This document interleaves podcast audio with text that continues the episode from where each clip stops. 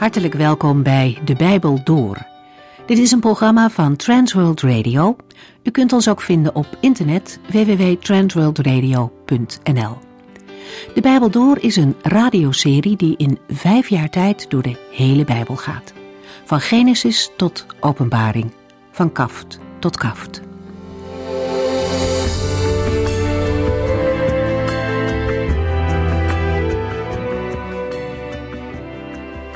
Misschien wilt u iets meer weten over deze serie of heeft u vragen? Belt u ons dan op 0342 478432 of stuurt u een e-mail info In de vorige uitzending begonnen we met Psalm 44. Deze klaagzang van het volk vormt één geheel met de voorgaande psalmen 42, 43 en ook met 45.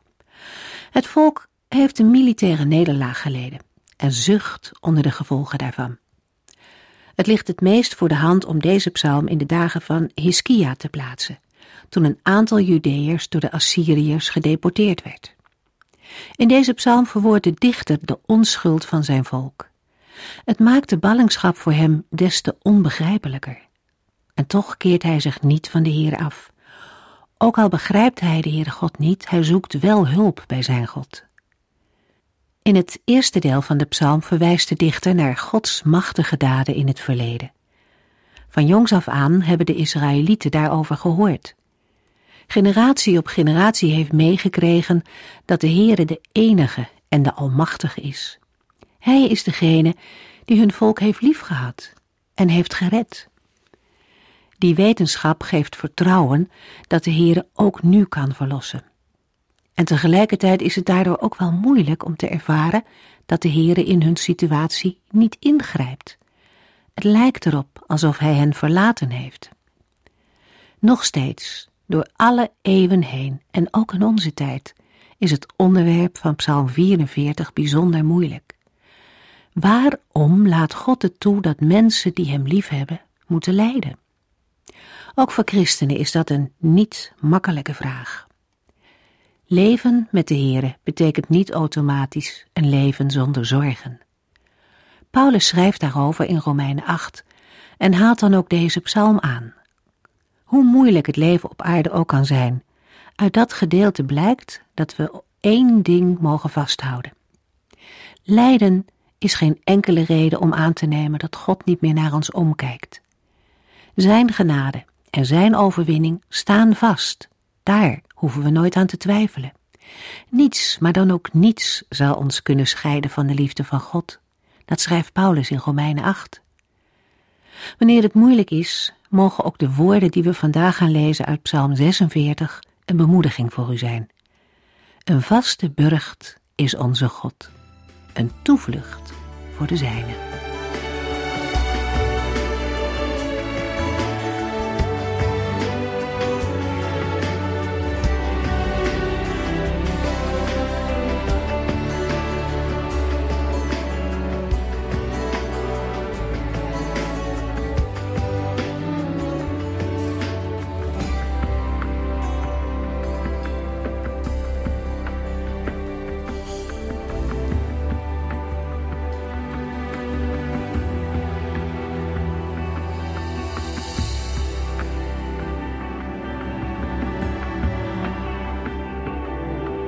Datering van en een historische aanleiding voor Psalm 46 zijn moeilijk te geven. Er zijn Bijbeluitleggers die in de aanval van Sanherib of de oorlog van de alliantie van Moab en Ammon tegen Jozefat een aanleiding zien voor Psalm 46.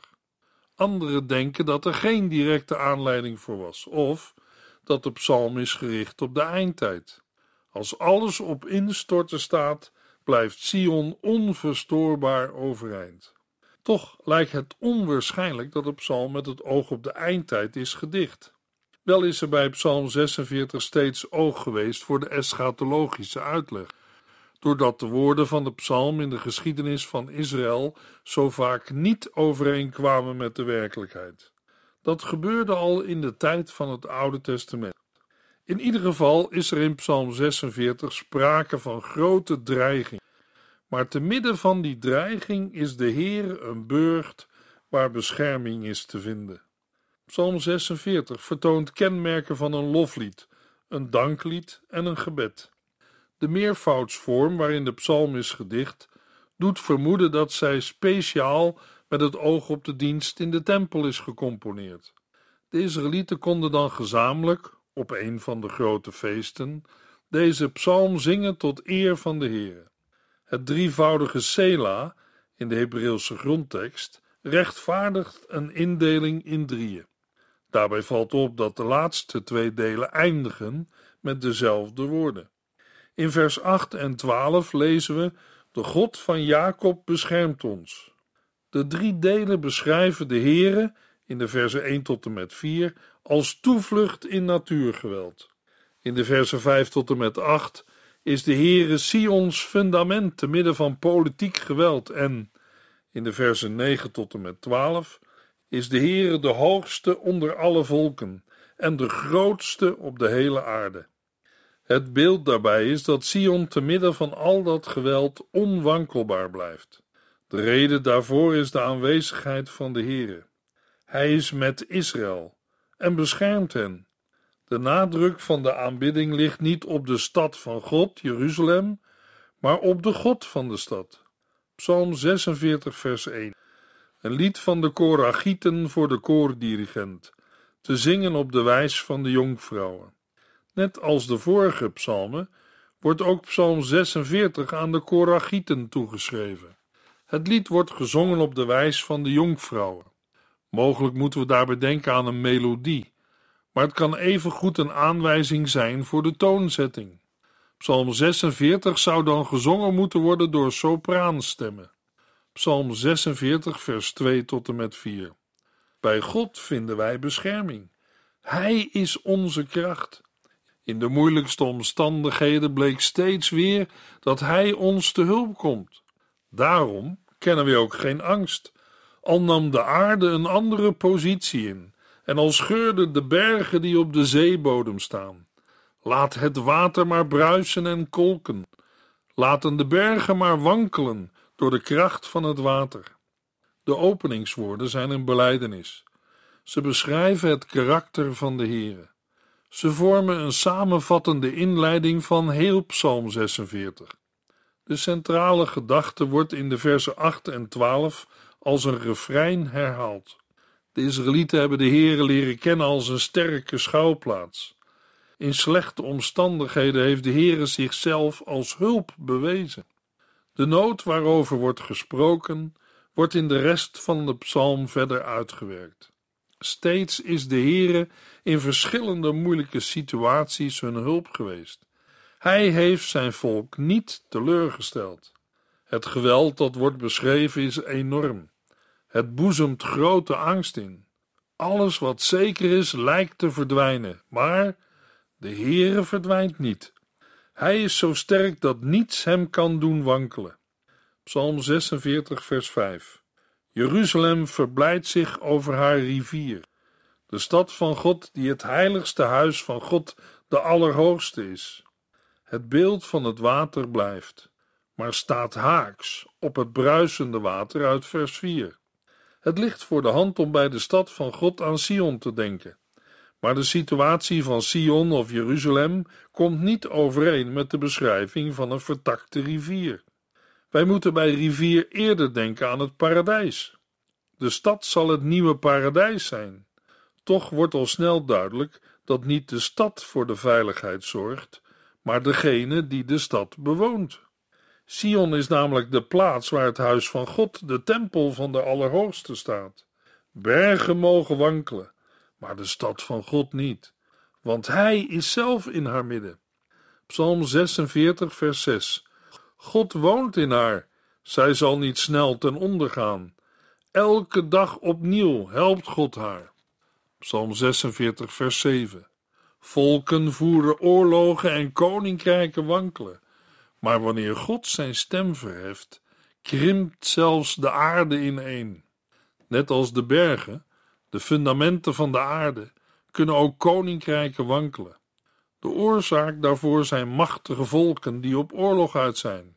Dat heeft grote gevolgen voor de koninkrijken die worden aangevallen. Maar de Heere, de God van Israël, is boven iedere macht verheven. Als hij zijn stem verheft, krimpt zelfs de aarde ineen. Psalm 46, vers 8. De Almachtige Heere is met ons, de God van Jacob beschermt ons. De Heer is de God van Jacob, een naam die regelmatig naar voren komt in verband met hulp in nood.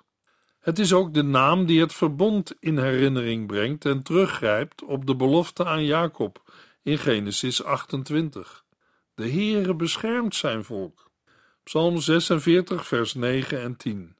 Kom maar en kijk naar alles wat de Heere heeft gedaan. Hij richt verwoestingen aan op aarde. Hij laat overal de oorlogen ophouden, breekt de wapens doormidden en verbrandt de strijdwagens. De dichter richt de aandacht nu volledig op de macht van de Heere. Iedereen moet komen en zien wat God heeft gedaan. Het is namelijk de Heere die overal de oorlogen laat ophouden en legers machteloos maakt. Psalm 46, vers 11 en 12. Word rustig en weet dat ik God ben. Ik ben de hoogste onder alle volken, de grootste op de hele aarde. De Almachtige Heer is met ons, de God van Jacob beschermt ons. Die wetenschap is de basis voor het vertrouwen van Israël, en daartoe roept de dichter van Psalm 46 op. In de woorden van Psalm 46 klinkt de eschatologische verwachting van het koninkrijk van God wel door, maar is nog niet duidelijk zichtbaar. In het Nieuwe Testament lezen we ook, net als in Psalm 46, vers 5, over een rivier in het Nieuwe Jeruzalem.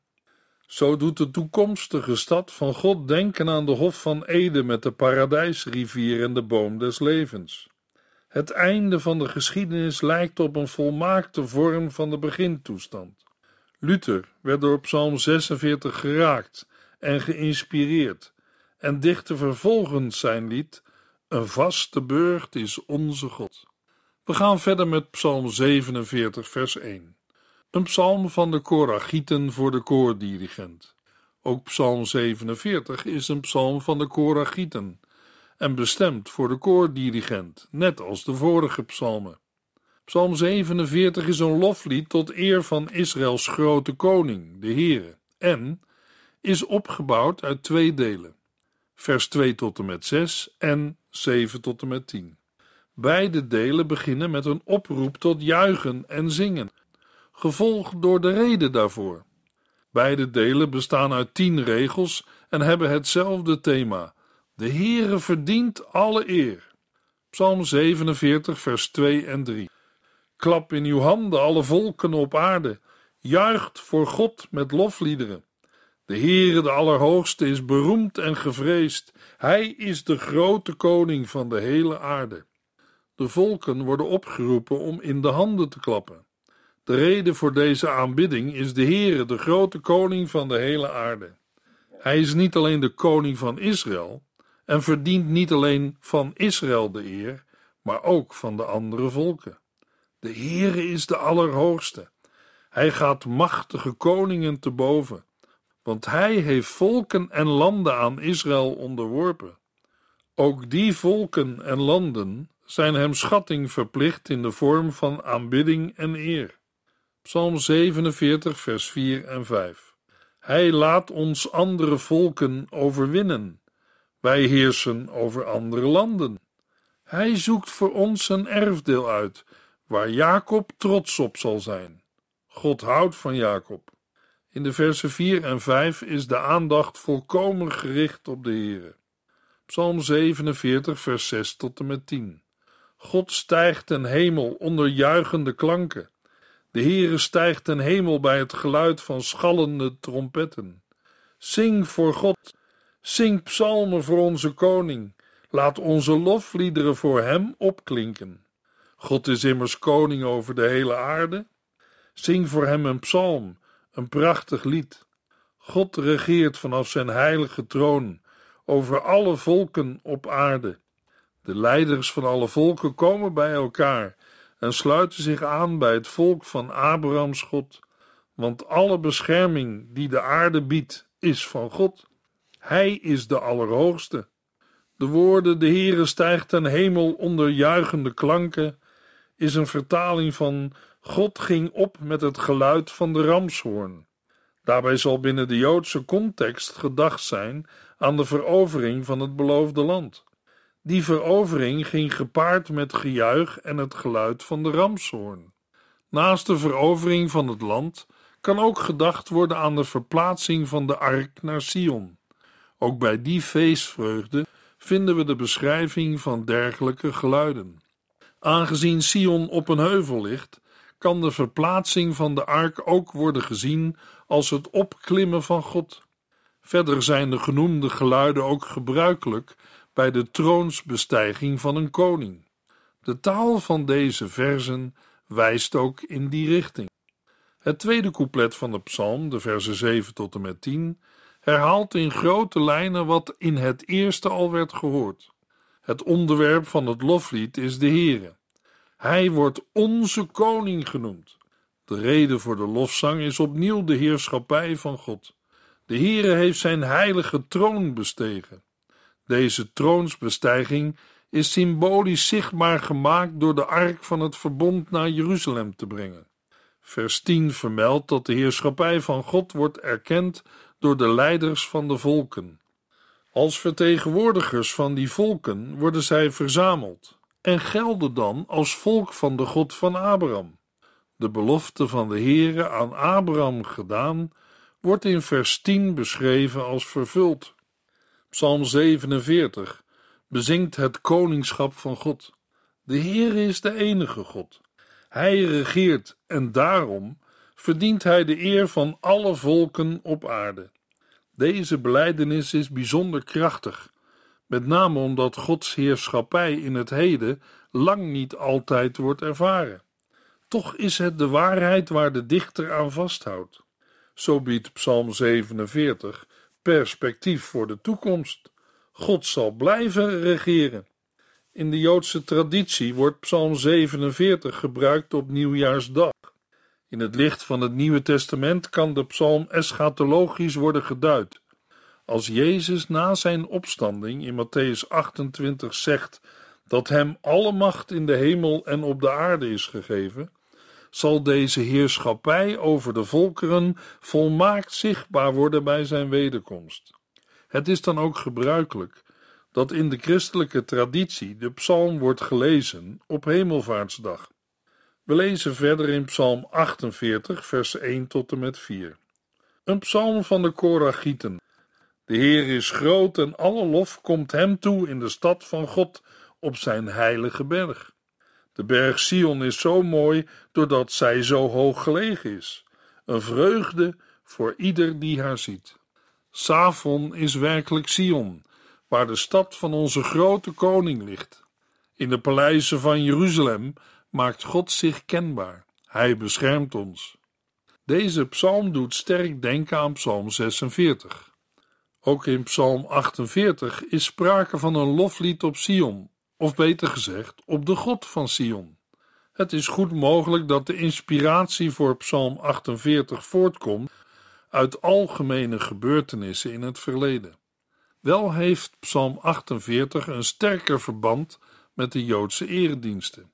Er wordt nadrukkelijk over een zijn in de tempel gesproken en een rondgang om Jeruzalem. De meervoudsvormen wij en ons tonen aan dat de deelnemers aan het feest het lied gezamenlijk ten gehore brachten. Er kan worden vermoed dat onder de deelnemers vooral mensen aanwezig waren die niet in Jeruzalem woonden. De psalm bestaat naast het opschrift uit drie delen. Het eerste deel bezingt de schoonheid van Sion en brengt dat in verband met de aanwezigheid van God. Vers 2 tot en met 9. Vervolgens klinkt in de versen 10 tot en met 12 een gezamenlijke lofzang op de verbondstrouw van de Heere. Het laatste deel van de psalm grijpt terug op het eerste. Sion wordt voorgesteld als de aardse, tastbare afstraling van de Almachtige. De kracht van Sion symboliseert de kracht van de Heere. Het opschrift geeft aan dat Psalm 48 een psalm is van de Koragieten. Daarmee sluit de psalm aan bij de vorige psalmen. In de periode van de Tweede Tempel zongen de Levieten deze psalm iedere tweede dag van de week. De dichter valt direct met de deur in huis. De Heer is groot, hem komt alle eer toe. Zo introduceert hij aan het begin het thema van de psalm. Het gaat om de eer van de Heer. Het verband met de stad Jeruzalem wordt gelegd vanwege de verbondenheid van de Heer met die stad. De tempel, de plaats van Gods aanwezigheid, staat in Jeruzalem. In die zin kan de stad gebouwd op een berg ook met recht zijn heilige berg worden genoemd. Dat wil natuurlijk niet zeggen dat Gods majesteit tot Jeruzalem beperkt blijft, maar wel dat in Jeruzalem Gods grootheid in het bijzonder is te zien. De schoonheid van de stad wordt niet gevonden in het feit dat ze zo hoog gelegen is, maar in de aanwezigheid van de Heere. In vers 3 identificeert de dichter de berg Sion met de mythische berg Savon, de berg van Baal. Vergeleken bij Sion is de berg van Baal niet meer dan een drempel, niet in letterlijke, maar in theologische zin. In Sion woont de enige ware God, de grote koning. Van daaruit regeert hij over de hele aarde. Psalm 48, vers 5 en 6. Let maar eens op. Er was een samenzwering van koningen. Met elkaar trokken ze op naar Jeruzalem. Maar zodra zij er kwamen en het zagen, waren zij verbijsterd. Van schrik sloegen ze op de vlucht. Koningen verzamelden zich met het doel om Israël aan te vallen. Ze vormden een machtige coalitie en vielen gezamenlijk het land binnen. Er klinkt een zekere ironie in deze woorden door, omdat in de vorige verse duidelijk is gemaakt wie de echte grote koning is, namelijk de Heere. Tegen hem hebben aardse koningen geen schijn van kans. In vers 6 wordt duidelijk dat de koningen Gods handelen zien en van schrik op de vlucht slaan. Zo gruwelijk is hetgeen ze zien. Psalm 48, vers 7 tot en met 9. Zij sidderden angstig als een vrouw die een kind baart. U laat de schepen van Tarsus door de oostenwind vergaan. Eerst hadden wij ervan gehoord, maar later zagen wij het zelf in de stad van de Almachtige Heere, in de stad van onze God. Hij houdt de stad in stand. De aandacht wordt in vers 8 verlegd van de angst van de koningen naar de daden van God. Hij is het die over de natuur heerst, die de krachtige oostenwind gebruikt om schepen van Tarsus te verbrijzelen. De gedachte erachter is dat de Heere de heerser is en met gemak de macht van de mens kan breken, of het nu om legers of om grote zeeschepen gaat. Door zulke daden van de Heere wordt het vertrouwen in hem sterker en gevoed. In tijden van oorlog zagen de Israëlieten in een overwinning de bevestiging van wat zij over de Heere hadden gehoord. In dagen van vrede was dezelfde bevestiging zichtbaar in de rust van de stad. Zo zien zowel de vijanden van Israël als de Israëlieten zelf de grote daden van God. Op beide heeft dat een enorme invloed. De vijanden slaan op de vlucht, de Israëlieten groeien in vertrouwen. Vandaar de belijdenis dat de Heere de stad in stand houdt. Psalm 48, vers 10 en 11. Steeds opnieuw, o God, herinneren wij ons uw goedheid en trouw wanneer wij in uw tempel zijn. De eer die u toekomt is net als uw naam, o God, zo groot dat die reikt tot aan de einde der aarde. U bent de bron van de rechtvaardigheid. In vers 10 verschuift de aandacht. Waar eerder over God werd gesproken, wordt de Heere nu direct aangesproken. Hem wordt de lof toegezongen door de samengestroomde menigte. De verbondseigenschappen van God worden genoemd: verbondstrouw, rechtvaardigheid en rechtvaardige oordelen. Het volk stelt zich de trouw van de Heere voor en doet dat in het midden van de tempel, dat wil zeggen, in de voorhof van de tempel, dicht bij de plaats waar de ark van het verbond in het heilige der heiligen stond, de aanwezigheid van God. Daar laat het volk tot zich doordringen dat de Heere trouw is aan het verbond dat hij vele jaren eerder met Abraham, Isaac en Jacob heeft gesloten. Zijn trouw blijkt uit het feit dat Jeruzalem en de tempel, ondanks de aanvallen van vijanden, nog vier overeind staat. De Heere is de bron van de rechtvaardigheid en deelt gerechtigheid uit. Psalm 48, vers 12 tot en met 15. De berg Sion is blij en de dochters van Juda juichen over uw rechtvaardigheid. Loop maar eens om Jeruzalem heen en tel haar wachttorens. Kijk eens goed naar haar muren en loop door haar paleizen. Kijk, zo is God. Hij is voor eeuwig onze God. En tot de dag dat wij sterven is Hij bij ons en wijst ons de weg. De schoonheid van Sion en de heerlijkheid van de Heere zijn zeer nauw met elkaar verbonden. Hij is en blijft de God van zijn volk. Zelfs in de strijd met de dood zal hij hen leiden. En dat is wat moet worden overgebracht op de volgende geslachten. Er is maar één God, en die God is onlosmakelijk verbonden aan de bestemming van Sion, de stad die de Heer als woonplaats heeft gekozen. Alleen daarom is de blik op Sion of Jeruzalem al een blik die verder gaat dan wat er op de aarde gebeurt. Het is een blik naar de God van Israël.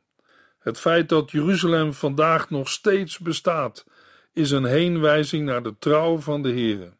Het Bijbelboek Openbaring maakt duidelijk dat het nieuwe Jeruzalem, net als het Jeruzalem uit Psalm 48, prachtig is om te zien en een nog veel grotere heerlijkheid heeft dan de oude stad.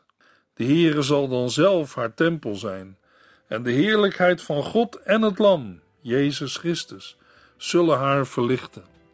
Ondanks allerlei negatieve ervaringen klinkt de lofzang voor de Heer, de God van Israël. Van Hem is de verwachting voor nu en voor altijd.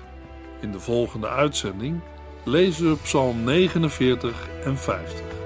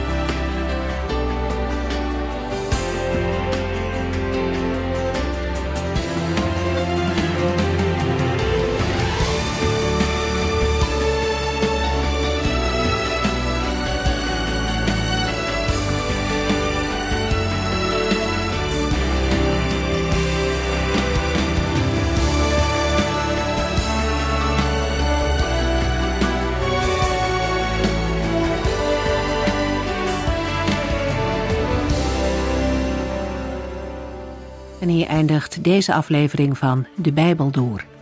Een serie programma's van Transworld Radio. Wilt u ons iets vragen of meer weten? Dan kunt u altijd contact met ons opnemen. Bellen kan overdag met 0342 478432. Per post Transworld Radio. Postbus 371. Postcode 3770. Anton Johannes in Barneveld. En e-mailen kan ook. De Bijbel door at transworldradio.nl En natuurlijk ook via onze website transworldradio.nl Dit programma werd gepresenteerd door Cor Weda en Ike André. En namens iedereen die er nog meer aan meegewerkt heeft, graag tot de volgende keer.